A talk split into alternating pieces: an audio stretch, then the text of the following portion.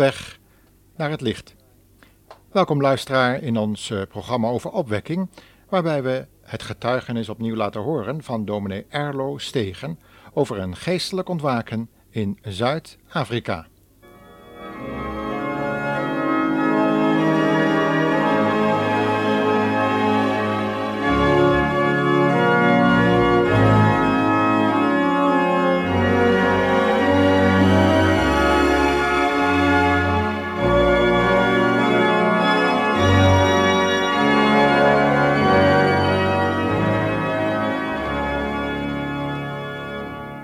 Dit programma willen we met elkaar nadenken over het verlies van de eerste liefde, waarin we kunnen lezen in Openbaringen 2, met betrekking tot de gelovigen in Efeze in die tijd.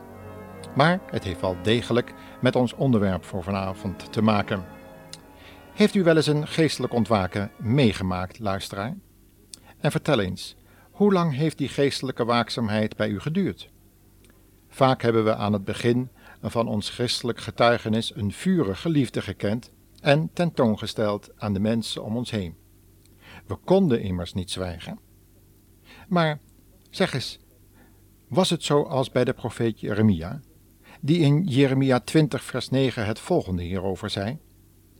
Gods woord werd in mijn hart als een vuur, en ik kan niet zwijgen. Zo was het bij de jonge Erloos tegengegaan toen hij zich direct na zijn bekering begon te verdiepen in allerlei opwekkingen die in de kerkgeschiedenis hebben, zijn opgetekend. Hij bemerkte dat de meeste opwekkingen slechts van zeer korte duur waren en vroeg zich af wat daarvan dan wel de oorzaak zou kunnen zijn. Nu hij zelf op het zendingsveld werkzaam was en vele jaren tevergeefs wachtte op een geestelijk reveil onder de Zulus, werd hij door God zelf onderwezen in het geheim van een blijvende opwekking. Dat was het geheim van de ootmoed. En juist een van de oorzaken waarom met name de islam zo'n geweldige invloed op het ogenblik krijgt, juist daar waar de christelijke kerk vroeger met kracht doorgebroken is, is juist dat gebrek aan ootmoed. Laten we eens horen wat Erlo Stegen van deze basiszonde, de hoogmoed, te vertellen heeft. Luisteren we mee?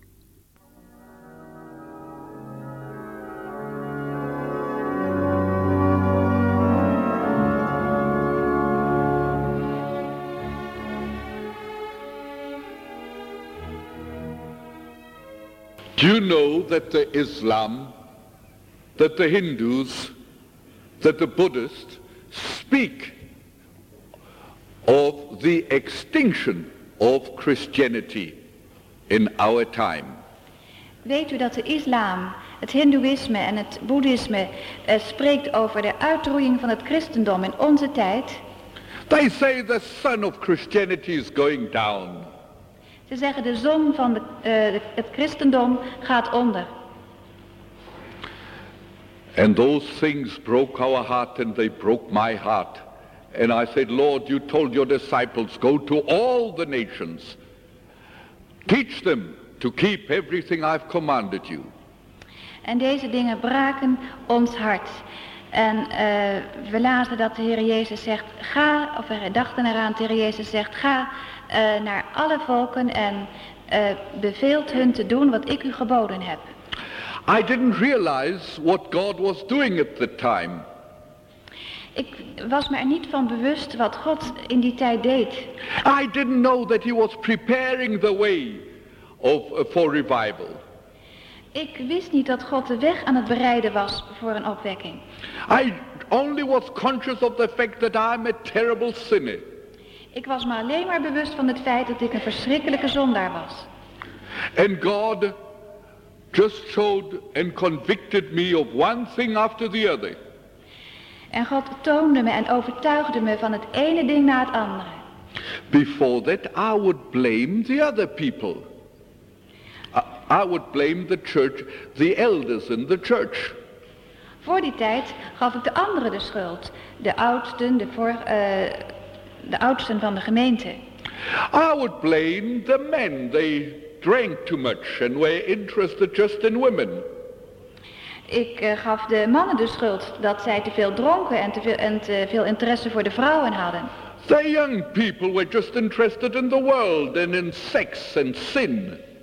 En de jonge mensen, omdat ze te veel interesse voor de wereld hadden en in seks en zonde. I blamed everybody for the spiritual situation. Ik gaf iedereen de schuld uh, voor de slechte geestelijke situatie. I said the people don't want to come to church any longer. Ik zei de mensen willen niet, maar de, niet meer naar de kerk komen tegenwoordig. They've got their TV, they've got their newspapers, they've got their sport. That's why they don't come into the church. Ze hebben hun tv, ze hebben hun sport, daarom willen ze niet meer naar de kerk komen. But all of a sudden, God got hold of me and he said, Elo, I'll show you what kind of a person you are. Maar op een gegeven moment uh, nam God mij uh, te pakken en zei, Erlo, ik zal je laten zien wat jij voor iemand bent. And then I forgot about everybody else. En toen vergat ik alle anderen. We in Africa are still very primitive. Wij zijn in Afrika nog erg primitief. And we've got primitive ways. En wij hebben primitieve manieren. We say never point a finger at another person. Wij zeggen wijs nooit naar een ander. Because when you point a finger at a person, three fingers point back to you. Want als je met één vinger naar een ander wijst, dan zijn er drie die naar jou wijzen. And your hand is telling you that you are three times as bad as what that man is. En je hand vertelt jou dat je drie keer zo erg bent als degene uh, waar je het over hebt. And the thumb points to heaven that God knows that that is true. He's the witness. Je duim wijst naar boven om te bewijzen dat God uh, getuige is, dat het waar is. Of course, psychologically speaking, it's always like that. Uh, psychologisch gesproken is het altijd ook zo. If you want to know the faults of a person, just listen to what he says. All the things he detects in other people are a revelation what's in his own heart. Als je weet wat de fouten van iemand zijn, luister dan naar wat hij over een ander zegt, wat hij bij anderen ontdekt. Dat zijn dezelfde dingen die hij in zijn eigen hart heeft. So if you want to know what his sins are, listen to him. And when he criticizes others, all the things he criticizes are his own sins. Dus als je weet wat ze, wil weten wat zijn zonden zijn, luister naar hem. Want alle dingen waarin hij anderen bekritiseert, dat zijn zijn eigen zonden. If he would be dead to it, he wouldn't detect all those things so quickly. Als hij er zelf dood voor zou zijn, dan zou hij die dingen niet zo snel ontdekken bij anderen. And then I forgot about everybody else and the people around me. En toen vergat ik alle mensen om mij heen. It was Christmas time. Het was in de tijd rond kerst. And I should have preached on the birth of Christ at Christmas. En ik had moeten preken over de geboorte van uh, Jezus Christus met kerstmis. And I forgot that it was Christmas time and I preached on another text. Maar ik, ver, ik vergat dat het kersttijd was en ik preekte over een andere tekst. And one of the church members came to me and said, Do you know that it was Christmas today? Or that it's Christmas? En een van de gemeenteleden kwam naar de hand naar mij toe en zei, weet u dat het vandaag kerstmis is? I said, oh, I'm sorry. I had forgotten about that. Ik zei, oh, uh, het spijt me, dat, had ik, dat was ik vergeten. You know why? Weet u waarom? I had always been preaching to people and pointing at people. And now God was preaching to me and pointing at me. Ik had altijd voor mensen gepreekt en naar hun gewezen. En nu was God uh, tegen, tot mij gaan preken en wees naar mij. Wat een uh, onthutsende ontdekking van deze voorganger van die kleine Zulu-gemeente. Die ontdekte dat zijn vinger wees naar anderen, maar dat er drie van zijn eigen hand naar hemzelf wezen. Ik denk dat uh, vanavond deze boodschap op ons allemaal diepe indruk zal maken. Het gaat om de kennis van ons eigen hart, de toestand van ons eigen hart. En wanneer we daarvan overtuigd zijn geraakt, zoals de Heer Jezus gezegd heeft, dat Hij gekomen is, dat de Heilige Geest gekomen is om ons te overtuigen van zonde, gerechtigheid en oordeel, juist in verband met de komende opwekking die christenen zo graag verwachten, dan begint dat altijd bij het huis van God, bij zelfoordeel. Laten we daarnaar eens luisteren wat het koor Nicanor daarover te zeggen heeft.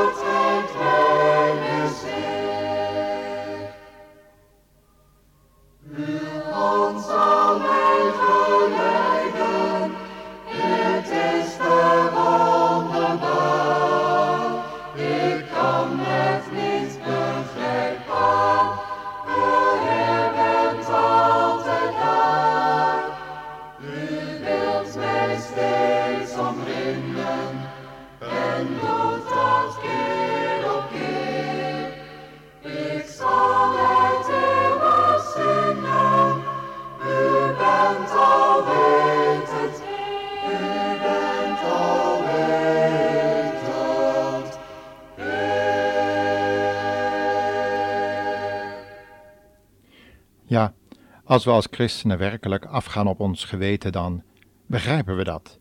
De Heere, die is alwetend. En dat moeten we maar nooit vergeten. Het is nou eenmaal zo dat God het hart kent, meer dan we ons eigen hart werkelijk kennen. En het is de vraag of we het wel ooit zullen leren kennen. Pas als we Hem zullen zien van aangezicht tot aangezicht. Erlo Stegen heeft dat meegemaakt. Maar er is nog een Bijbelse figuur dat is de profeet Jezaja, die zulke dingen ook aan de lijve heeft ervaren. In Jesaja 65 vers 5 daar staat, Ze zeggen tegen elkaar, kom niet dichterbij, anders verontreinig je mij, want ik ben heiliger dan jij.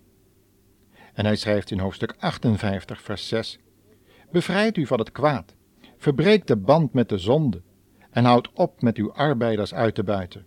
Geef waar ze recht op hebben en deel uw voedsel met de hongerigen de hulpelozen, de armen en ontheemden. Ontvang ze in uw huis en geef kleren aan wie het koud hebben en verberg u niet voor uw familieleden wanneer ze uw hulp nodig hebben. Steek niet langer uw vingers uit en verspreid niet langer valse geruchten, want dan zal ik antwoorden als u roept.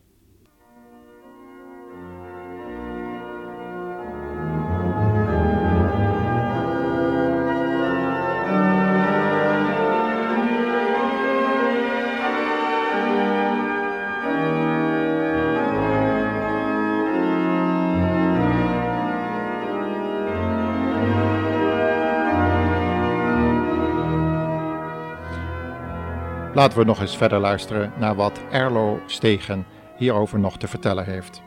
Want zijn getuigenis is van het uiterste belang voor ons allemaal. You see the cross. You've got the cross here in front. One beam points heavenward. U ziet het kruis hier, hier hangt ook een kruis. Eén uh, balk gaat, uh, wijst naar de hemel. The other one horizontally. De andere balk wijst horizontaal. You see, if we come by the, to the cross, we make peace with God and at the same time peace with our fellow men. Ziet u, als we bij het kruis komen, dan maken we vrede met God, maar tezelfde tijd ook vrede met onze medemensen. The Bible says, if I say I love God and I don't love my brother, I'm a liar. De Bijbel zegt, als ik God lief heb, maar mijn broeder niet lief heb, dan ben ik een leugenaar. And when I come into the church and I come to the altar to bring my offering and I remember that my brother has got something against me, then I should turn around, be reconciled with my brother and only after that bring my offering. En als ik naar de gemeente kom en ik breng mijn offer en ik denk eraan dat mijn broeder iets tegen mij heeft, dan moet ik eerst heen gaan en, het met, en me met mijn broeder verzoenen. En daarna pas mijn offer brengen. Now friends, it's easy to mention these things and to speak about it. Vrienden, het is gemakkelijk om deze dingen te noemen en erover te spreken. That's one thing, but it's another thing to experience it and God, the living God, confronting you with these realities. Maar het is heel wat anders om ze te ervaren. Als de uh, levende God je hiermee confronteert met deze realiteiten. When God takes you and he takes you through his mill. Als God je neemt in zijn molen en je daar doorheen draait. And as God was busy working in our hearts and lives, all of a sudden he came down. En terwijl God zo bezig was in onze levens te werken, toen kwam hij plotseling, daalde hij plotseling neer. The Spirit of God came